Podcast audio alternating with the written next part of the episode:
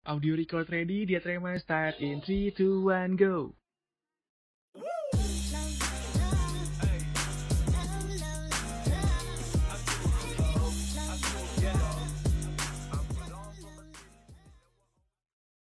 Selamat malam semuanya, welcome to podcast Dia Trema bersama Minds, Mahandraga in Business. Jadi podcast Dia Trema kali ini itu bakalan sedikit beda dari podcast-podcast sebelumnya nih. Jadi eh, apa namanya? Terima kasih dulu nih buat teman-teman media Mahandraga yang udah ngebolehin kita take over Dia Trema. Jadi makanya hari ini namanya Dia Trema bersama Minds. Wah gila, keren banget buat teman-teman ha- ha- media HMTG Mahandraga. Gokil. Jadi apa sih yang bakalan kita bahas malam ini? Jadi kita itu bakalan ngebahas tentang kayak gimana sih ini anak-anak teknik geologi nih, yang kayak anak teknik yang, aduh apa sih dibilangnya eh, banyak banget kesibukannya, banyak banget laprak, banyak banget pemetaan segala macem, apalagi khususnya teknik geologi ya, tapi tetap bisa ngebangun bisnis. Ih keren banget nggak tuh, gila. Oke, jadi malam ini gue udah punya empat guest star yang sangat luar biasa. Kita panggilin aja dulu kali ya satu-satu. Oke, untuk guest star per- pertama itu ada Kak Vindi dari Geologi 2017. Ya, selamat malam Kak. Halo malam. Malam, mantap. Boleh Kak dikenalin dulu kali ke pendeng- ke apa pendengar setia dia Trema kita kayak background geologinya gimana? Halo nama gue ya. Halo nama gue Hmm, Vindi. gue jurusan teknik geologi tahun 2017. Sekarang ini gue punya bisnis dua yang berjalan, alhamdulillah. Yang pertama itu daging, namanya namanya ATMJB Fresh Mart. Terus yang kedua kopi, namanya Kopi Kir Sajala. Oke, wow. Ini banget ya. Itu offline atau online tuh Kak? Gimana tuh bisnisnya? Kalau untuk eh, MJB Fresh Mart sendiri, gue udah punya toko offline ya. Kebetulan dekat Oh, rumah gue di Bekasi. Yang kedua itu kopi, gue masih kopi rumahan gitu deh. Oke, berarti sistem masih ada yang offline, ada yang online ya? Iya betul. Oke deh. Kita tunggu, kita panggil dulu nih guest star kedua kita. Ada Karituan dari Geologi 2018. Gila. Ini boleh selamat malam. Mamang. Selamat malam guys. Perkenalkan Malam, saya Ridwan Abdurrahim dari Teknik Geologi 2018. Eh, tingkat tiga berarti ya. Iya, tinggal tiga berarti, Bang. Secara langsung gue punya dua bisnis berjalan yaitu di bidang pertanian sama peternakan. Wih, luar biasa. Eh, Dan- tapi eh, Karituan ini tuh di angkatan kita ya, gua angkatan 2018 itu tuh sering banget dipanggil Mamang. Iya, Boleh benar. jelasin nggak, Mang, kenapa dipanggil Mamang tuh? Apa gue dipanggil Mamang? Mungkin karena lahiran gue 97, terus di angkatan 2018 banyaknya lahiran 99 ataupun 2000. 2000 2001. Oh, oke oke oke. Jadi Kayak emang itulah, bocah manggilnya mamang gitu lah. Mamang Iya, sayur iya. ya. setuju setuju setuju. Tapi nggak, itu tandanya kita menghormati lu, Mang, kayak Mamang kayak keren keren. Oke, ini guest star ketiga nih udah mau siap-siap dipanggil karena ini sangat close nih ya dengan gua sendiri. Boleh kita panggil Kak Josephine sama Kak Yahya dari Geologi 2018. Wuh. Hai. Malam guys. Malam. Gimana gimana kabarnya? Baik. Baik banget, luar biasa. Aduh sama. Oke. boleh. Oke, dari Kak Josephine dulu mungkin boleh Kak dikenalin nggak sih perkenalan dulu buat teman-teman dia terima kita ya. Halo, gue Josephine, gue dari Geologi 18. Tapi biasa dipanggil Epin sih. Dan sekarang Oke. lagi punya venture Fragrance Room bersama kedua teman gue ini ada Agung dan juga Yahya. Oke. Agak orang dalam ya. Oke. Ini yang paling bombastis nih sekarang nih Kak Yahya. Ayo, boleh Kak dikenalin dulu ke teman-teman dia terima kita. Hai guys, gue Yahya dari angkatan dari Teknik Geologi angkatan 2018 dan BTW gue masih baru join sama Epin dan Agung. Jadi kayak ya Iya. udah. New blood ya, new blood lah ya. Oh, suara gue tiba-tiba serak gini deh. Oke oke oke oke. Oke nih kita mulai aja kali ya ngobrol sharing-sharing tentang kayak gimana sih nih kayak empat dia star kita malam ini tuh bisa kayak lagi di tengah-tengah sibuknya anak teknik tapi bisa juga ngebangun eh, suatu bisnis gitu kan. Oke mungkin dari pertanyaan pertama nih Eh, kira-kira apa namanya buat dari ke semua gestar kita nih. Background apa sih yang ngebuat kayak eh, kalian tuh jadi kayak ah gue kayak pengen nih ngebangun bisnis nih ada motivasi apa atau mungkin kayak background gimana? Mungkin boleh dari Kak Vindi dulu. Oke, gue bermula dari bisnis keluarga gue yaitu punya rumah pemotongan hewan sapi Oke. di di daerah sini juga, yang kebetulan udah berjalan lebih dari empat tahun. Oh. oke, Lalu ketika tahun kemarin terakhir COVID, sebenarnya agak risky juga karena COVID, Iya. terus juga keluarga gue btw gabut kan. Gimana sih COVID kemarin gabut banget kan? setuju. itu tuh kita ber apa ya berpikir bahwa kayaknya enaknya kita punya market sendiri punya apa ya produksi daging sendiri punya toko daging sendiri yang emang khusus kalau gue punya targetnya adalah untuk khusus perumahan sini gitu Oh. jadi berawal dari bisnis keluarga yang udah alhamdulillah lumayan lama sih gitu Oke, berarti emang backgroundnya itu family business ya kak? Berarti emang. Iya, backgroundnya family business, tapi kebetulan MJB Freshmart sendiri gue yang megang. Gitu. Oh, oke oke oke oke. Oke, buat background bisnisnya dari Mamang mungkin itu gimana tuh, Mang? Kalau dari gua sih sama backgroundnya itu dari bisnis keluarga khususnya dari Oh. berawal dari pertanian mungkin udah belasan tahun yang lalu sejak gua SD kelas 5 tahu gua ya Oh, oke oke oke oke.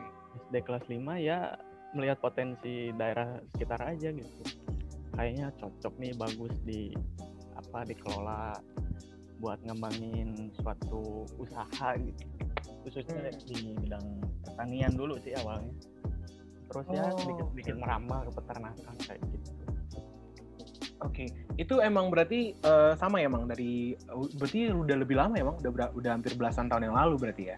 Iya iya Oh, oke oke. Itu kira-kira apa sih, Mang, yang dijualin dari si pertanian dan si peternakan itu? kalau dari pertanian gua udah banyak ngejual kayak merica terus cengkeh Oke. kunyit, kencur, kayak kayak gitulah. Vaneli baru-baru ini. Oh, berarti nggak fokus cuman di bumbu dapur gitu lah ya? Kalau dari Peternakan masih awal 2018 lah gua gua masuk UP. Iya, karena Oh. gabut aja itu juga sih. gabut kan Jadi- nganggur tahun ngapain ya? Ya udahlah punya modal dikit, ngembangin lah ke peternakan ayam petelur kayak gitu, Bu. Oh, oke oke oke oke. Berarti emang bisa dibilang banyak yang didasarkan dari gabut ya. Wah, gila keren juga sih gabut lama-lama. Oke, gestar ketiga nih. Kira-kira untuk Kak Josephine dan Kak Yahya. Ini manggilnya Epi nama Yahya aja lah ya. Iya Ini- gitu aja. Eh, apa namanya? Background bisnisnya gimana sih? Maksudnya apa sih yang ngebuat kalian akhirnya nge- Aduh, sebenarnya pengen jawab, gue yang pengen jawab. Tapi Eh, boleh Epi dulu. ayo. Coba eh Epin Kalau dulu silakan. misalnya gue, oh dari gue ya, kalau misalnya gue mungkin awal-awal pandemik tuh kayak gue bener-bener pusing kan, maksudnya nggak tahu mau ngapain gitu. Oke. Nah terus tiba-tiba gue melihat ada kayak banyak webinar nih gitu, webinar Hmm. di luar tentang perkuliahan ya. Tapi kayak webinar cara membersihkan ru- ruangan, pokoknya kayak gitulah tentang household. Nah terus salah satunya yang bikin gue tertarik banget adalah tentang scents, tentang room fragrance gitu. Nah terus karena gue orangnya suka kemewahan, gue ingin membuat kamar gue mewah dengan room fragrance. Akhirnya kayak coba-coba beli bahannya, terus bikin sendiri, terus ikut workshop-workshop lainnya yang bikin, yang itulah pokoknya yang membangun itu gue juga, yang mendukung gitu. Akhirnya oke, akhirnya ditawarin ke teman-teman, maksudnya kayak disuruh cobain, eh menurut lo ini enak gak? Dan salah satu temannya adalah Agung Satria, yang dia mencoba lilin gue, terus kayak gue agak kaget gitu karena katanya satu rumah langsung wangi yang agak heboh gitu wangi lilin gue kayak gitu jadi dari situ akhirnya eh, dia yang soal opportunity bisnisnya yaudah akhirnya kita ngomongin branding dan segala macem gitu Oke, luar biasa. Oke, eh, background emang background Sen Katia sendiri itu emang awalnya gara-gara emang gue ketemu sama Epin dari itu kita mau nong mau kalau nggak salah habis kelas nggak sih bun kita Iya, kayak Heeh. dan btw di eh, Sen Katia ini lucunya adalah kita bertiga ini udah ada tradisi yaitu kalau setiap manggil kita tuh adalah bun nggak tahu itu emang bun enak aja gitu. Coba kalau dari eh, Yahya sendiri kan akhirnya joining nih ke kita dan itu kenapa nih ada reasonnya nggak kayak apa sih yang memotif kayak eh, buat pengen join atau gimana? kan ini ya apa tuh namanya kan selama perkuliahan kan kita termasuk orang-orang yang sibuk ya. Betul, setuju. kita itu kayak nggak tahu sebenarnya nggak sibuk tapi kayak menyibukkan diri gitu. Jadi kayak nggak bisa nih kalau diem aja gitu kan. Terus kayak tiba-tiba oh, suatu malam temen gue nelfon nih kak lu mau nggak join gitu dan pada saat itu kita mau ikut satu kompetisi kan terus kayak Betul. ya udah deh gas daripada gabut kan jadi kayak ya udah deh gue join dan seru banget sih karena kayak sibuk banget ternyata jadi parah sibuk banget Betul. Dan emang emang background ya, ya ini emang orang sangat apa ya manajemen things banget lah kasarnya. Makanya kita kayak waktu itu kita hampir emang mau ikut kompetisi ya. betul Oke oke oke. Oke dari background bisnis kan tadi kita dengarkan dari eh, beberapa gestar kita nih background bisnisnya. Nah itu kira-kira kalau untuk dari bisnis masing-masing nih itu per sektor kan juga beda-beda kan dilihat ada yang online, ada yang offline dan ada juga yang memang eh, apa namanya emang kasarnya nggak emang basis nggak basis di internet sama sekali. Nah itu kira-kira dari tiap kalian nih ada marketing tips nggak sih di setiap eh, bisnisnya itu? Mungkin boleh dari Epin dulu, silakan. Hmm. Em, mungkin kayaknya kalau ngomongin marketing gue kurang jago ya karena eh, yang handle marketing itu adalah Ageng Satria which is our host today gitu. Oke. yang Betul. biasanya gue lihat dan yang biasanya gue kedepankan adalah branding sih jadi kan branding kita adalah eh, kemewahan in the form of a scent gitu jadi kayak dengan lighting our candle kita bisa perasaan kemewahan gitu dan juga kita mengedepankan eh, eco-friendly terus juga kita mengedepankan adalah ciri khas Indonesia. Jadi wangi-wangian khas Indonesia gitu. Jadi kayak eh, orang lebih penasaran. Dan juga di sosial media itu penting banget sih kayak untuk representatif dari feeds Instagram terus juga caption IG gitu. Terus awal-awal juga kita pasti mengedepankan keidealisan kita kan yaitu adalah kemewahan. Tapi ya Oke. somehow di tengah jalan pasti kan kita menemukan uh, suatu titik di mana kita nggak bisa terus-terusan idealis nih nggak bisa uh, nggak bisa nggak bisa terus tetap kaku gitu loh. Kita harus fleksibel juga gitu. Jadi idealis itu tetap ada tapi tidak eh, idealisme itu harusnya tidak boleh menghalangi duit dari kita gitu Asik, betul. Profit ya bun intinya, tetap profit. iya ya. yang penting ada uangnya say Gitu. Oke oke. Eh, coba kit- kita langsung juga tanya nih ke sektor yang menurut gue ini sangat menarik dan emang eh, keren banget. Coba mungkin dari Mamang boleh gimana nih Mang ada marketing tips gak kira-kira dari eh, sektor pertanian dan peternakan? Kalau dari usaha gua sih untuk marketing tips itu ya secara personal branding aja gitu. Kita tawarin Oke. ke setiap eh, warung ataupun pasar, kita punya barang ini loh dengan kualitas seperti ini. Apakah ya mungkin untuk gimana mungkin lah kita berbicara ke pemilik warung ataupun pasar kayak gitu untuk meng- men- apa ya meyakinkan membeli suatu produk kita khususnya di peternakan sama di pertanian sih. Kalau dari peternakan masih gampang, tinggal kita ke warung nawarin, misalkan kita punya telur nih, penghasilan satu hari itu misalkan yang gua mampu 25 kilo, mau nggak? Terus kualitasnya kan suka ditanya tuh, telur dari mana misalkan. Ya ceritain aja sedikit, gua punya usaha peternakan, ini misalkan eh, ayam, terus ya alhamdulillahnya gue punya kualitas gitu jadi si telur tiap hari itu fresh langsung dari kandang gue pasarin kayak gitu. Oh, Oke. Jadi gue punya istilahnya punya mutu lah Oke oke oke. Berarti emang benar-benar emang terjun langsung ya, emang maksudnya kayak ngambil langsung hari itu juga ngasih karena emang kualitas wah keren keren. Gila gila keren sih. Oke oke oke. Nih kalau dari Kak Vindi nih gimana yang udah punya offline store dan kayak juga kebetulan peternakan juga sih sebenarnya. Kalau dari gue sendiri sih sama ya, semua tuh marketing tips sama. Yang penting brandingnya dulu. Awalnya tuh mau brandingnya tuh seperti apa gitu. Cuman karena kayak gue tuh hampir sama kayak Ridwan yang notabene adalah makanan konsumsi ya untuk orang sehari-hari gitu. Gue ini mengedepankan mutu. Jadi gue apa namanya lebih baik lebih baik menjual mutu daripada gue nggak jual sama sekali. Kalau gue kayak Oke. gitu. Dan gue juga di toko gue ini gue mainnya fresh. Jadi kalau Oke. misalnya secara ini ya, secara wawasan adalah ada beberapa daging atau supermarket dan lain-lain ada dua kategorinya yaitu fresh dan frozen. Kebetulan gue jual fresh, jadi gue malam dipotong pagi dijual. Itu itu tagline toko gue, malam dipotong pagi dijual. Oke. Keren mantap. banget. Oh my god. Luar biasa, luar biasa, luar biasa. Keren Oke. banget, oh my god. Jadi mau beli lilin. Wah. Jadi gini, tapi kalau misal dari tiap-tiap geser ada yang mau nanya tentang bisnis masing-masing itu juga boleh ya. Tapi nanti kita tunggu sessions pertanyaan itu nanti di akhir mungkin kali ya. Oke, eh, tapi kan gini ya, kita kan eh, sebagai kita pelaku bisnis gitu kan lah ya. Juga lagi jadi anak biologi nih, kita kan lagi anak teknik, ada kewajiban kuliah juga gitu kan dari orang tua. Itu kira-kira kalau misalnya otomatis nih, apalagi yang kayak mamang gitu kan, it needs a lot of time gitu kan. Maksudnya kita butuh banget banyak waktu buat mikirin juga concepting atau apa pun itu. Tapi kira-kira apa sih struggle sama uh, benefitnya juga gitu kayak ngebangun bisnis ini gitu. Selain mungkin ya mungkin yang paling utamanya adalah cuan kali ya. Tapi kalau misalnya uh, struggle sama benefitnya sendiri itu kira-kira apa sih? Coba boleh dong dari mungkin dari Kak Yahya dulu kali ya, boleh silakan.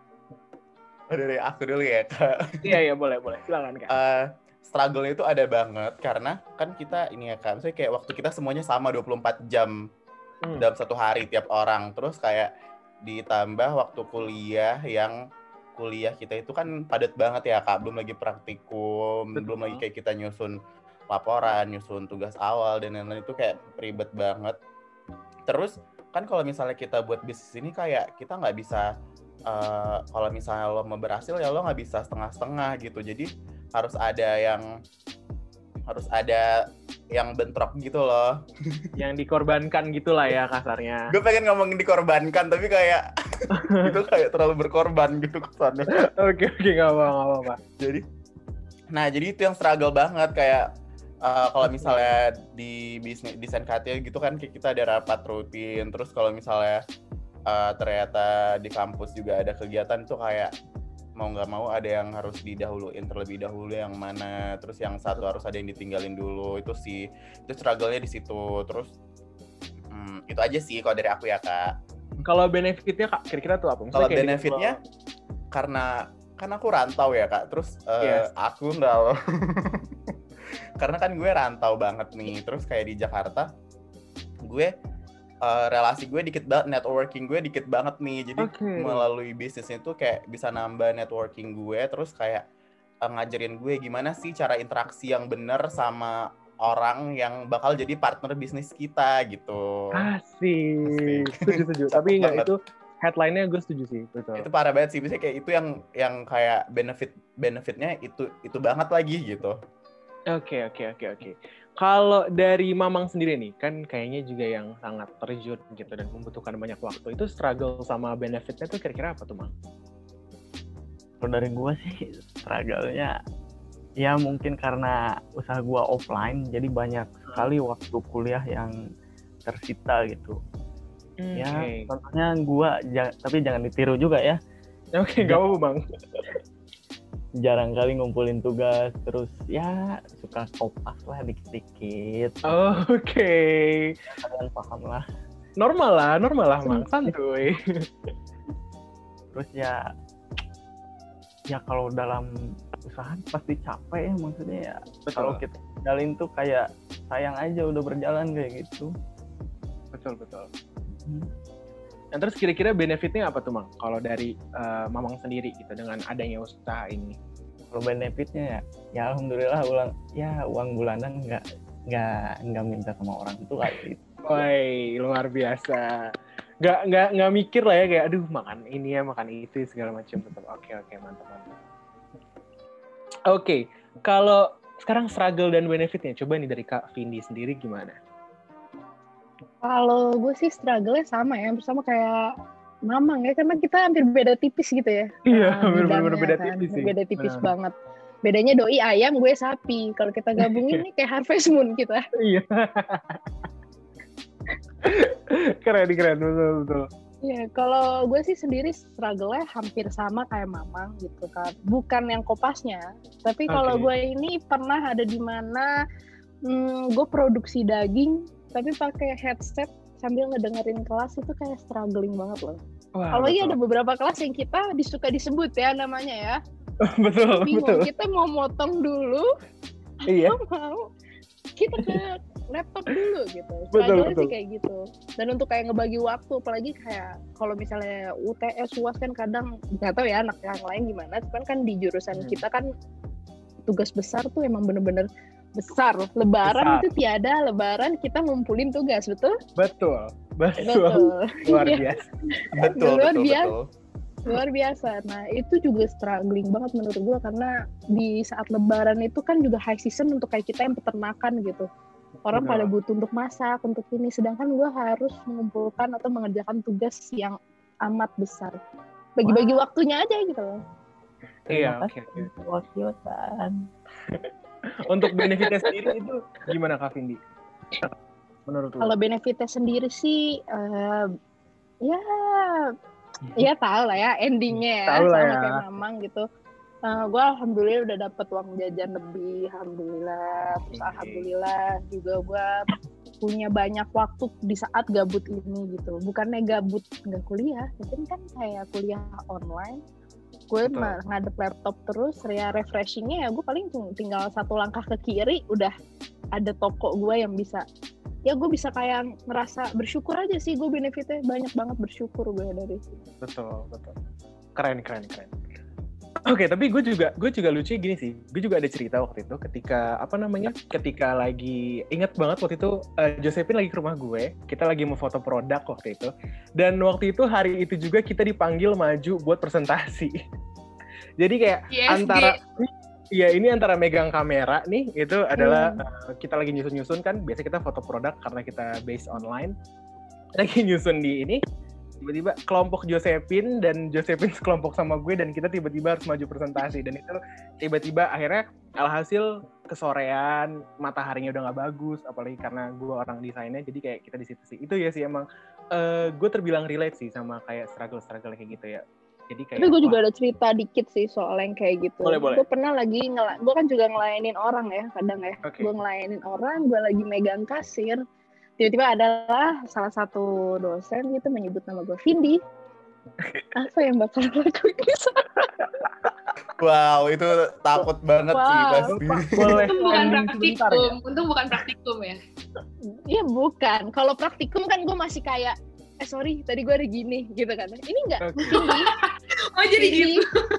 Iya, tiga kali nggak panggil, absen sudah gitu kan. Oh, Jadi gue kayak gue ke customer gue, bu maaf sebentar ya saya mau angkat telepon. Ah iya pak, gue pernah kayak gitu. Benar di Wah, situasi, Ya kayak gitu. Memang. Oke oke oke oke. Nah nih nih mantep nih pertanyaan selanjutnya nih.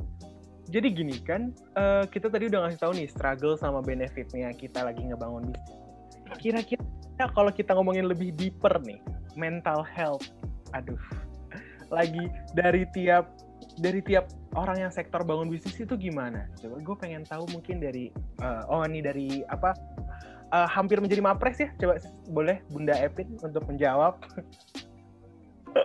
Aduh berat banget saya Mapres. Aduh, aduh, Mental berat banget, health. berat banget. Ini ini menarik banget saya, ini menarik banget mental Hmm. health. Sebenarnya kalau gue tuh sebenarnya gimana ya?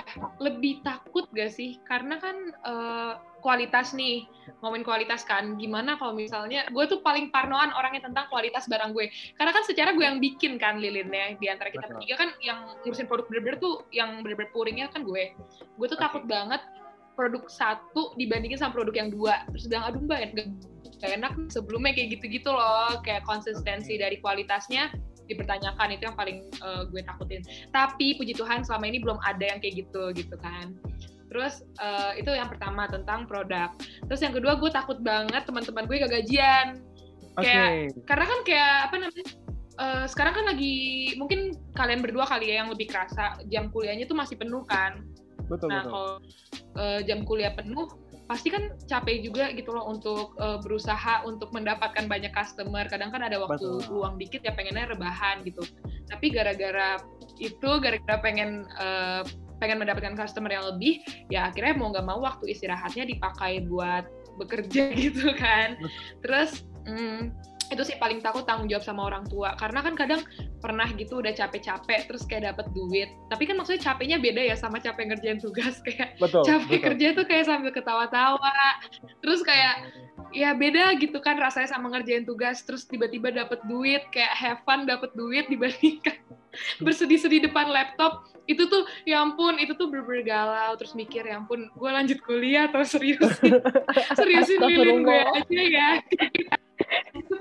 Itu. Tapi itu. kayak itu emang benar. itu itu sih yang paling parah. Tapi setelah aku pikir-pikir kita bertiga persumatraan kita sangat kental ya. Jadi kayak tidak mungkin edukasi ini ditinggalkan gitu. Bisa ngamuk orang tua kita. Jadi kayak eh, lebih ke anxious eh, gelisah ketakutan par eh, parno gara-gara produk.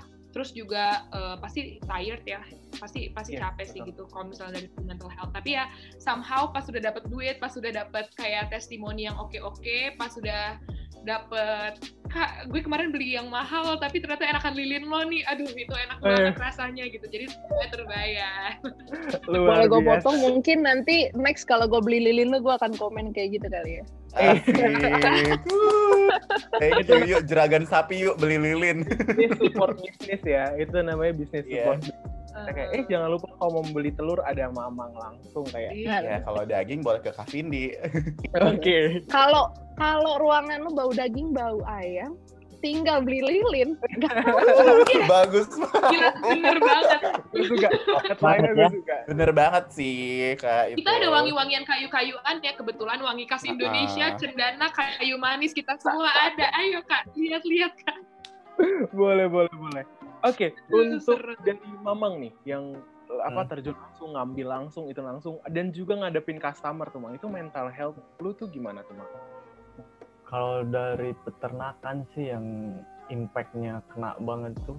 Aduh. Apalagi nih, misalkan ya contohnya kayak misalkan harga pakan lagi naik tapi harga jual telur lagi turun itu sangat wah rasanya kalau pengen kalian mah tinggalin gitu. Buat apa? Gitu, ngeluarin uang banyak-banyak tapi harga telur murah banget. Itu sangat wah impactnya kena banget. Cuma ya sayang aja udah di tengah jalan. Udah Iya. dapet apa ya maksudnya kayak udah dapat langganan terus kalau ditinggalin sayang juga. Sama ini banyak kalau usaha di ayam petelur tuh banyak sekali ini apa ya saingan. Kalau Hmm. sekarang ya banyak saingan tapi alhamdulillah lah gua masih bisa backup dari petar i- ini apa pertanian kayak gitu Oh, oke oke oke oke oke. Berarti emang kadang tuh ngerasa crush gitu ya ketika kayak aduh naik mahal kan rasanya kayak pengen alah udah naik kali ya gitu kan. Iya. Tapi udah di tengah-tengah gitu kan. sampai Oh, pernah gua satu bulan nggak dapet penghasilan satu bulan Relate relate mang. ribu penghasilannya gimana lagi lah nikmatin aja ya namanya usaha ya begitu gitu Betul. Wah, gue setuju banget. Gue setuju banget, benar setuju banget. Kayak emang gimana ya? Kadang kalau emang lagi nggak profit kan, lagi nggak apa, yang harus kita simpen gitu kan duitnya. Kayak Ya. ah ya udahlah takut penjualan eh, bulan depan gimana, jadi kayak ya udahlah kita tahan. Itu sih emang kadang-kadang. Dan tiba-tiba nih lagi pusing bisnis nih, eh ada tugas gitu. Eh deadline-nya Hmm. besok ternyata. Itu parah banget sih itu. Parah banget sih. Itu pressure Itu banget tapi kena kena ke dalam. Kalau gue sih bukan mental yang kena ketika gue lagi banyak produksi ada tugas.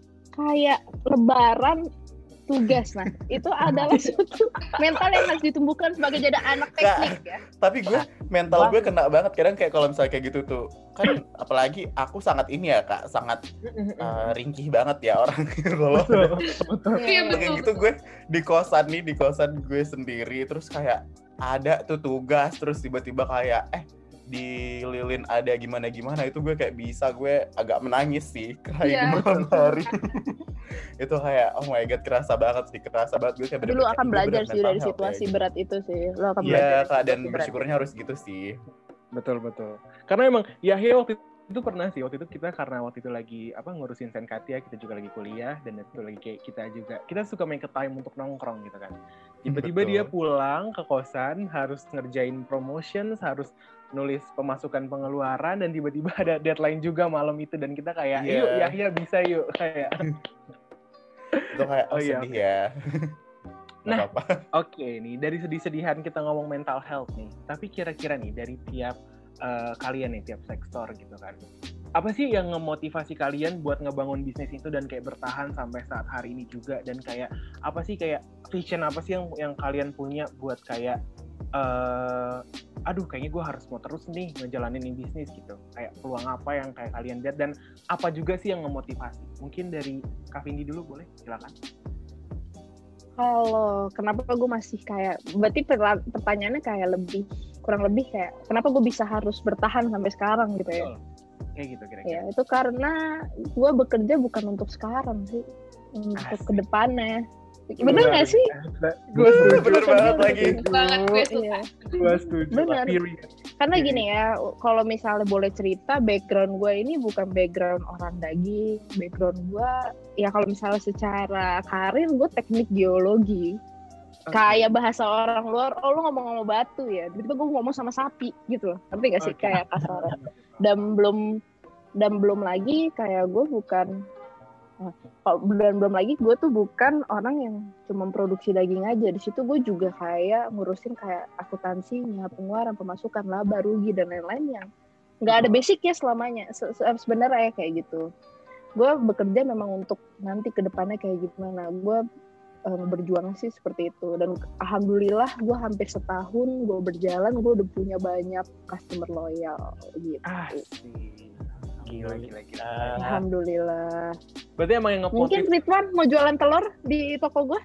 Oh, Asik. Wow, relasi. Wah, relasi. Relasi. Relasi. Mm-mm. Berarti Kak, berarti Kak eh, emang yang ngemotif diri lu apa namanya? Diri lu untuk selalu bertahan dan kayak emang kayak keep going on gitu ya emang dari diri lu sendiri juga ya dan emang juga kayak Iya. karena lu mikir buat masa depan gue juga gitu. Dan dari sebenarnya sih bukan dari diri gue juga sih, sebenarnya dari keluarga gue juga. Jadi kayak keluarga gue ini emang orang-orang bisnis semuanya gitu. Oh, Jadi oke. gue menurut mereka kayak bisnis itu bukan hal yang harus dipersulit di dalam karir gue sekarang sebagai mahasiswa gitu loh. Bisnis itu malah sebagai pendukung lo gitu loh. Lo harus semangat karena itu. Gitu. Setuju, setuju, setuju, setuju. Nah, nih kalau dari Mamang nih. Kira-kira apa nih, Mang? Apa yang ngemotivasi lo? Hmm, dari motivasi ya mungkin karena dorongan orang tua ya nggak jauh beda sama kayak Kak Pindi Hmm. soalnya gue itu dari kecil dididik untuk apa ya bukan hidup untuk perih tapi memerih Asik. Jadi- Ih, jadi usaha Gue suka. Gue suka. jika lu punya cita-cita ataupun apa keinginan lah setidaknya.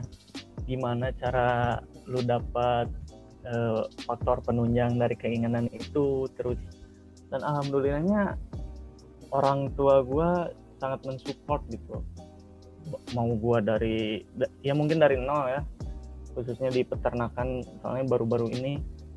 Sama ada motivasi dari bapak gua. Kalau kalau orang Sunda lah pasti tahu.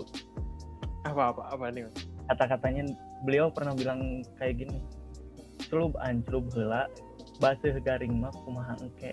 Maksudnya itu kayak lu jalanin dulu mau lu sukses ataupun tidak itu gimana entar. Kalau misalkan lu sukses jalanin terus sampai merambah ke segala lah maksudnya sampai lu punya keinginan apa cita-cita yang mana lagi lu itu kalau misalkan lu terjatuh masa lu mau tinggalin yang udah jauh lah udah panjang lalu Gila. jalan Oh, gitu. Gila gila, keren banget, keren banget. Gue akan masukin quotes lo di bio Instagram gue. Oke oke oke. Berarti emang emang basicnya adalah emang karena dukungan, maksudnya emang karena orang tua juga kayak emang, maksudnya kayak yang motivasi kita kayak buat terus kayak wah kita harus kayak keep going on dan kayak memang mungkin juga ada wah ini kayak mantep nih buat ke depannya juga. Oke, mantep mantep mantep. Kalau dari nih kayak boleh langsung berdua nih jawabnya. Kalau dari Josephine sama Yahya sendiri nih, apa sih yang kayak ngebuat kalian bertahan sampai saat Bunda ini? dulu ya, bunda. Iya, boleh boleh. Epin dulu. Eh, apa ya yang bikin yang bikin bertahan karena fun sih maksudnya kayak eh, sebenarnya kayak sejujurnya kayak gue agak mengaplikasikan cara bekerja di di kampus dengan lilin gue gitu dan surprisingly it works gitu kalau untuk Oh, oke. segala macam research dan segala macam. Karena kan gue ngomongin produk banget kan, ya kalau misalnya produknya eh, kenapa-napa kan gue harus mencari cara juga gitu untuk mengatasi itunya masalahnya jadi yang Betul. bikin gue bertahan adalah karena gue merasa diri gue berkembang gitu selama gue menjalankan Nah, uh, Sen betul. Kaca ini gitu terus kayak Betul. gue jadi banyak banget hal-hal yang gue nggak tahu gue jadi tahu gitu loh Oke. dan itu ilmu yang menurut gue lu sekolah apa pun gue rasa lu nggak dapet gitu itu yang bikin gue kayak wow gue nggak tahu ternyata gue bisa mendapatkan ini gitu Yes, true. gitu sama uang sih ya itu kayak ah uang mendapatkan eh, apa namanya eh, uang lebih tuh enak banget gitu Iya, alhamdulillah ya. Hmm. Betul, Kalau betul. budaya betul. Dan itu sebenarnya buat apresiasi diri sendiri juga gak sih kalau lu dapat Betul. duit lebih gitu. Betul. Betul, betul itu gue juga setuju banget. Kalau Udah Yahya udah sendiri gitu kan kak apa tuh namanya eh, gue setuju banget sama Bunda Jose ditambah nih kalau di kita interaksi kita itu enak banget gitu loh jadi kalau misalnya kita kerja pun kayak nggak kerja rasanya kan enak ya Ah, kerja tapi kayak nice. berasa nggak kerja gitu jadi kayak Betul. Boleh nanya gak sih? Eh, Gue boleh nanya gak sih? apa Boleh, boleh, boleh. Kan pembawa acaranya ini adalah partner bisnis juga berarti ya. iya betul, betul. Anggaplah gue jadi pembawa acara gitu ya. Gue pengen nanya sih sama kalian bertiga gitu. Terlalu riskan gak sih lo buat uh, bisnis di, anta- di atas persahabatan lo gitu? Risky Oke, oke, oke, oke, oke. Itu- boleh. Karena duit itu ada saudaranya loh. Duit tuh Iya, bukan temen Kak. loh soalnya. ini nih betul. ini ini gue sih kan ya ini dari gue ya gue cerita Hmm. jadi pernah suatu malam itu kan kita ada jadwal rutinan rapat kan tapi kayak ternyata karena gue anaknya main banget lagi gitu kan mainlah gue kak main gue ternyata gue kira gue mainnya itu kan dari siang ya gue kira bakal kayak oh ya udah gue bisa lah rapat orang kata gue lah kira ya. kayak "Eh, eh, maghrib gue bakal langsung pulang ternyata nggak pulang kan nggak pulang terus kayak tiba-tiba Kan gue nge-cancelin rapat kan? tiba-tiba gue nge-cancelin rapat terus lo tau nggak semenjak itu gue kayak anjing gue merasa bersalah dan kayak ah, mampus nih mampus mampus nih pasti Oh, Pasti- oke, oke. ini tapi ternyata kita alhamdulillah kita sangat dewasa ya guys menghadapinya Soalnya tuh ya. bukan tentang duit ya sebenarnya selama ini kayak tektokan Iya. waktu ya kan jatuhnya gitu sih. Ya kan kayak Rizky kan punya bisnis di atas Iya, persahabatan tuh risky banget sih kak. banget Tapi gitu. kayak Betul. alhamdulillahnya teman-temanku dan aku asik dan aku enggak. Kita sangat dewasa sih menghadapinya asik. Bagus. Tapi Eh, kalau dari gue sendiri, kalau dari gue sendiri tuh, eh ini karena gue sekalian eh, hostnya juga kali ya, gue juga yang eh, sekalian menjawab pertanyaan yang sebelumnya gitu ya, yang motivasi itu sebenarnya eh, karena gue nggak suka geologi sebenarnya. Gue eh, apa namanya in the terms of gue kayaknya gue nggak cocok nih di bidang ini dan tiba-tiba gue kayak gue kayaknya setuju sih sama Agung tapi gue gak berani ngomong gitu gue pengen gitu loh. Karena Gue dari tadi jaim terus tiba-tiba langsung. Iya, aduh. Iya, tapi karena gue nggak sih kalau yang bagian ini? terpancing, terpancing. karena gue ini tipikal kayak kalau kata bokap gue tuh apa yang lo awali harus lo akhiri gitu Uh, jadi betul. gue akan mengakhirinya dengan baik gitu. Gue sebenarnya juga dari awal gue juga belum tahu gitu kan. Gue cocok nggak nih geologi sama ini atau enggak segala macam cuman ternyata pas udah ngejalanin 6 semester segala macam dan akhirnya sampai deep talk ke nyokap bokap gue yang which is mereka yang pengen banget gue kayak kerja di sektor migas dan segala macam tapi di situlah gue harus bilang ke mereka kayak bahwa oh ya kunci yang paling utama juga adalah komunikasi sama orang tua. Itu menurut gue di bisnis tuh sangat luar biasa penting sih. Akhirnya gue bilang kayak maksudnya kayaknya gue nggak bisa nih terus-terusan fighting di sektor ini gitu karena kayaknya emang bukan passion gue dan segala macam. Dan awal Agustus kemarin kan karena SNKT ini juga baru mulai itu yang akhirnya ngebuat gue kayak oh kayaknya gue ada another change nih untuk buat berkembang di tempat lain gitu. Dan ya udah akhirnya si platform ini gue gunakan. Dan terus kalau misalnya eh, apa namanya dibilang gue juga paham sih maksudnya kayak kalau ngebuat eh, bisnis di atas persahabatan gitu ya. Apalagi kan eh, awalnya kayak gue sama Yahya udah emang udah kenal dari semester awal dan sama Giuseppe pun juga udah deket gitu kan.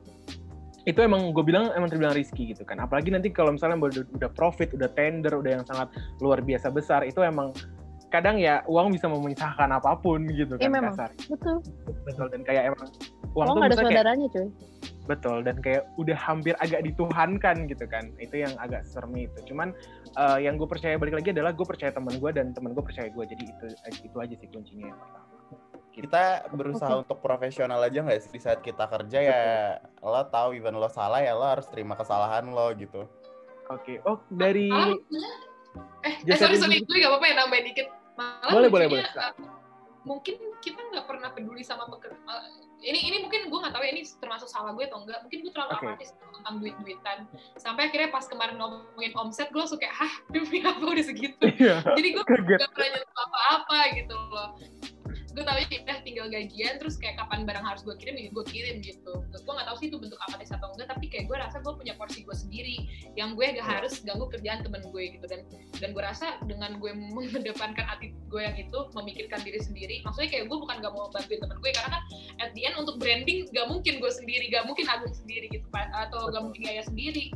Karena kan ya lu juga butuh komunikasi dengan kualitas produknya gitu. Jadi menurut gue mind your own business, gak usah mencampurkan apa pekerjaan temen kita itu selama ini sejauh ini aman sih gitu dan itu yang selalu gue terapkan.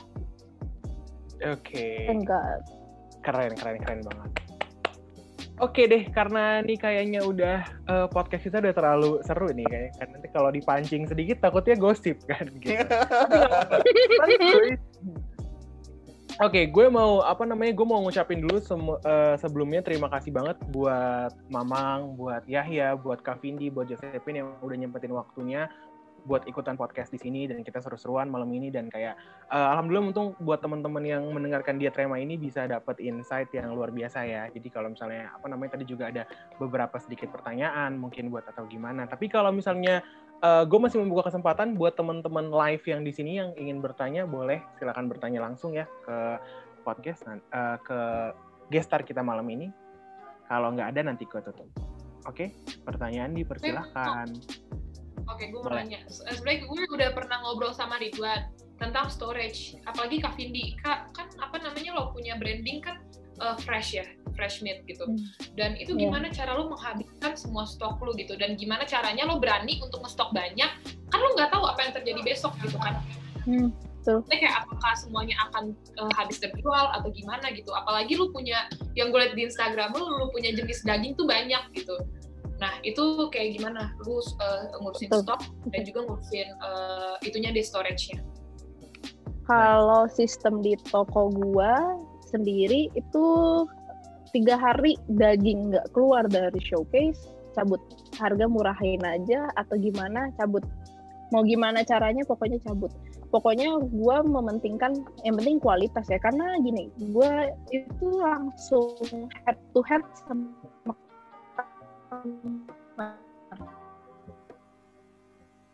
orang lihat daging daging itu kalau misalkan tiga hari lebih itu gue pasti kayak oh ini udah jelek nih dagingnya atau oh ini udah nggak pantas dilayak dijual dan lain-lain kadang gue take out gue ambil kadang gue konsumsi pribadi tapi gue beli atau kadang gue jual dengan harga murah gitu jadi ada yang namanya sistem flash sale gitu di di what story WhatsApp gitu emang Oke. terlalu risky banget sih dan gue pernah pernah ada di situasi yang kayak gitu pernah Oke, oke, oke.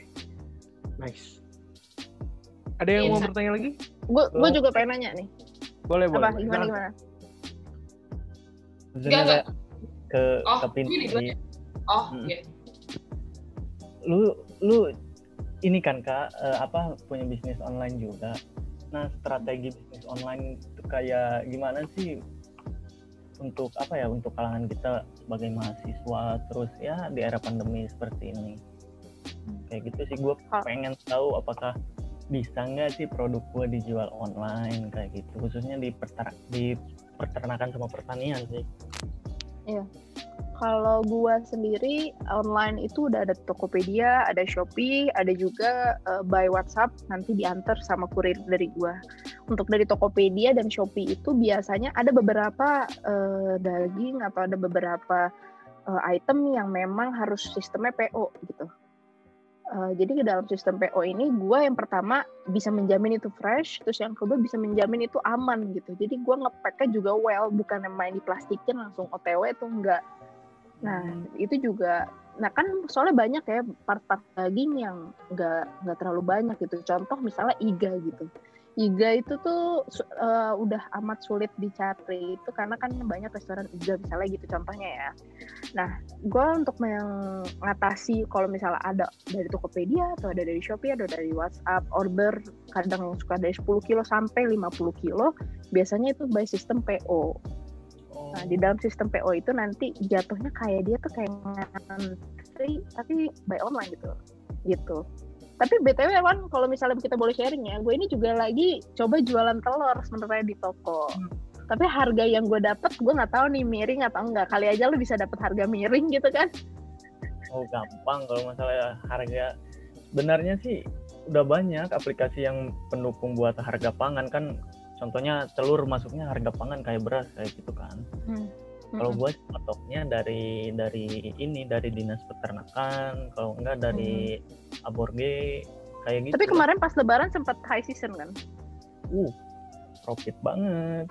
Profit banget, memang, memang. Apalagi eh, gue nggak tahu ya kalau misalnya dalam sistem peternakan gimana. Cuman kalau dari sistem gue sendiri, kayak beli modalnya kapan, jualnya hari ini tuh kayak kayak lo main binomo tuh nggak? Tapi gue punya pertanyaan sih soal candle-candle ini sih, soal lilin-lilin ini gue pengen nanya Hmm. sih ya. Boleh, boleh.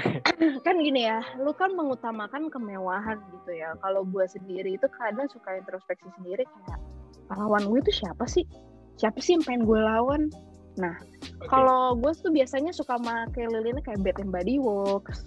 Terus misalnya, itu cuma itu doang sih yang gue pakai Bath and Body Works gitu. Lo ini mem, apa ya, mengituin kemewahan tuh siapa sih emang lawan lu gitu? Maksudnya apa yang pengen lu tonjolin kemewahan gue ini udah beda loh daripada yang lainnya. gitu. Atau lu mau tonjolin gue lokal tapi gue ini punya kualitas yang internasional kah? Atau kayak gimana gitu? Oke. Boleh? Bunda Agung dulu yang jawab. Kayaknya Oh, gue dulu ya. enggak Agung aja soalnya aku lebih mengerti. Oke oke. Eh, kalau dari kita ya, dari kita. Eh, kalau menurut gue, jadi waktu itu karena emang juga eh, karena Epin waktu itu yang buat. Karena waktu itu gue sempat juga eh, apa suka-sukaan eh, apa ya gue sama Josephine sama Yaya nih kita punya kayak eh, apa sih sense yang di sense tuh yang sama gitu kayak oh ini tuh kayaknya wangi ini ini wangi ini wangi ini dan segala macam dan karena kebetulan gue juga agak favorit staycation gitu-gitu kan segala macam dan gue sempet nih pas eh, nyium pertama kali apa produk tester dari Epin gue mikir kok ini kok sesuatu yang kayak kualitasnya tuh bes kualitasnya tuh tinggi gitu kan dan kayak emang serving kemewahan tapi in the package of lokal jadi memang itu sih yang gue Hmm. lebih ininya tuh kayak kita nih produk lokal nih tapi kayak sebenarnya even kayak kalau misalnya boleh pede nih gue bilang kayak lebih bagus lilin kita gitu kasarnya gitu karena Asik. dari dari karena dari ini dari pembakaran dari wangi dari segala macam dan waktu itu karena Pembakarannya apa kayu atau yang itu? kita wick kita kayu Yuk, jadi kayak kayu, ah, iya. karena karena si kayu ini ternyata bisa ngeganti uh, suhu ruangan lebih cepat gitu dan itu yang benar Wait Eh, a apa? minute. Sebentar. oke oke oke boleh boleh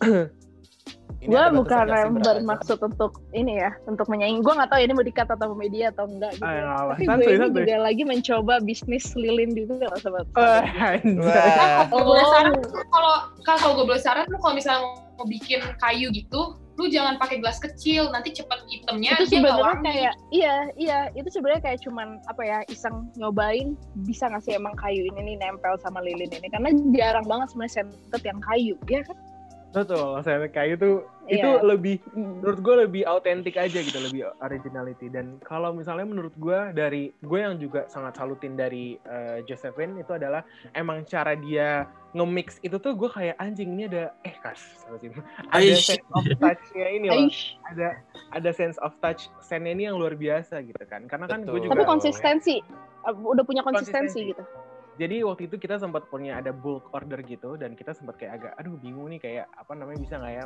mempertahankan kayak si kualitas lilin kita ini gitu. Dan kayak uh, waktu itu gue juga udah sempat survei ke beberapa apa sen-sen mahal kayak Lelabo mungkin kayak uh, apa sih uh, Dior dan segala macam gitu gitu dan ternyata oh ternyata kayaknya kita bisa nih masuk nih ke pasar-pasar ini nih tuh kita bisa gitu jadi kayak emang kita mau lebih nyajiin kayak oh kemewahan ini kita dapat bisa didapat di lokal gitu sih itu yang Hmm. benar-benar Good, bikin gue semangat gitu.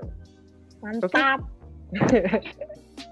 Tapi kita punya sen juga berbeda sih sebenarnya sama kayak BBW dan lain-lain. Kita tuh eh, awal-awal kita bener-bener idealis di sen khusus Indonesia aja, jadi kayak cendana. Betul. Cendana itu kayak mewah banget dan mahal banget. Even kayak beli apa namanya beli bibitnya aja, beli fragrance-nya aja tuh harus ngantri dan itu uh itu itu bener capek banget karena kayak kan cendana mahal, kayunya aja udah mahal gitu loh. Terus apalagi minyaknya Ya gitu loh, udah mahal banget, gak, gak tiap saat available, itu sih yang bikin pusing. Itu gue mempertanyakan idealis gue juga di situ. Berarti gue bisa partner dong kalau gitu Oh. pin. Nah ini ya bertanam cendana ya. Wih, Enggak. Tanam bener cendana. Lu pernah nyobain rasa asli vanili nggak? Kayaknya Oh, bisa. wow, iya. Pernah Jadi- banget. Dibikin bahan buat lilin kayaknya bisa tuh buat pang. Dan Iya itu mahal banget lagi. Tapi Iwan, gue boleh nanya gak sih Iwan? Gue boleh nanya gak sih? Boleh dong. Jadi kayak gue yang hostnya, boleh dong. boleh boleh Gue boleh. boleh nanya sih sama Ridwan, lu kan punya lu punya barang kayak misalnya contoh Lada gitu-gitu. Lo punya brand sendiri nggak? Atau lo pernah kayak berpikir lo pengen punya brand sendiri gitu nggak? Nah, gue tuh kak niatnya menjurus ke punya brand. Cuma pengennya itu dengan pemasaran secara online kayak gitu. Makanya gue pengen tahu apakah di dijual di kayak di e-commerce kayak gitu bisa nggak sih kayak misalkan Lada, Vaneli, terus kencur kayak gitu bisa nggak? Bisa Soalnya bisa. Ada buat- namanya, ada namanya kayak kalau lo boleh lihat namanya Javara. Javara. Oke. dia itu lokal punya. Dia jualan kayak lada, la- apa black pepper, sea salt gitu-gitu, lokal. Wow. Per- Oke, gue kumpulin pernah- podcast ini buat relasi ya, keren deh. Iya bagus lah. pernah pernah Cuan bikin yang lebih pernah bikin lada bubuk cuma agak agak apa ya agak terlalu jarang lah konsumennya paling kayak tukang bakso tukang mie ayam kayak gitu jarang sih Hmm. cuma gue juga bingungnya cara marketing Hmm. online itu bisanya ya gue pengen nyoba sih kak Hmm. ditaruh Tapi di itu ya, Oke, website oke. Kita akan bertukar pikiran letter. Tapi Sayangnya Ini itu ada ya Episode sih. 2 deh. Ini perlu ada episode 2 sih. Iya, Gimana ini perlu ada episode buka 2 ya. Hah? Ini ini perlu sih. Gue butuh soalnya, gue butuh. Karena jujur gue tuh pengen, gue tuh sebenarnya pengen banget punya bumbu-bumbu kayak buat di toko gue, tapi dengan brand yang gue punya. Yang pertama modal dari gue, cuan juga buat gue juga kan. Gitu. Betul. bisa dong kayak Iya gitu. Betul banget, gue setuju. Tapi banget. Kak Vindi kalau misalnya mau ada kebutuhan soal telur dan lain- lain- lain-lain kayak aku bisa sih supplier ya karena aku punya orang dalam. karena aku juga punya orang dalam kebetulan. Baik, baik, baik. Bisa Baik. ditaruh aja di WhatsApp gitu ya. Oke. Oke. kayaknya nyediain bumbu buat beef stick kayak gitu bisa kak Bisa memang. Bisa karena bahan-bahan yang lo produksi itu uh, beberapa ada yang dijual di toko gua. oh Tuh. Cepet. biasanya suka ngambil berapa kilo kak tuh buat bahan bakunya iya langsung lagi Langsung. Oke, bentar-bentar kita tahan kita tahan dulu ya. Ini kita kita closingan dulu aja nih nanti. Oh iya betul, closing dulu ayo. Oke deh. Oke, gue mau ngucapin terima kasih buat semua guest star yang udah datang hari ini, buat Yahya, buat Kak Vindi, buat eh, Mamang dan juga buat Josephine yang udah nyempetin waktunya. Thank you, thank you so much. Gue dari emang eh, departemen kewirausahaan sendiri udah sangat eh, pleasure lah bisa eh, didatengin oleh wow guest star yang luar biasa ya, walaupun orang dalam gitu kan. Oke. Eh, gitu aja. Eh, Oke, podcast ini bakalan kita tutup dan kayak terima kasih sekali lagi buat juga teman-teman media yang udah eh, nyempetin kita boleh take over. Dan oh iya, jangan lupa ya guys untuk eh, keep in touch dengan HMTG Mandraga bisa dari LinkedIn yaitu di Himpunan Mahasiswa Teknik Geologi Mandraga, di Instagram @hmtg.mahandraga, di YouTube-nya juga ada di official channelnya yaitu HMTG Mandraga dan websitenya juga ada itu di Bitly web HMTG kapital semua. Oke? Oke. Thank you thank you banget semuanya yang udah pada hadir dan buat live audience juga terima kasih walaupun nggak ada pertanyaan tapi tadi udah interaktif banget. Eh, sekian dari podcast Diatrema bersama Main see you next time. Bye. Thank you guys. Thank you so much. Thank you. Thank you. Thank you. oke. Terima kasih banyak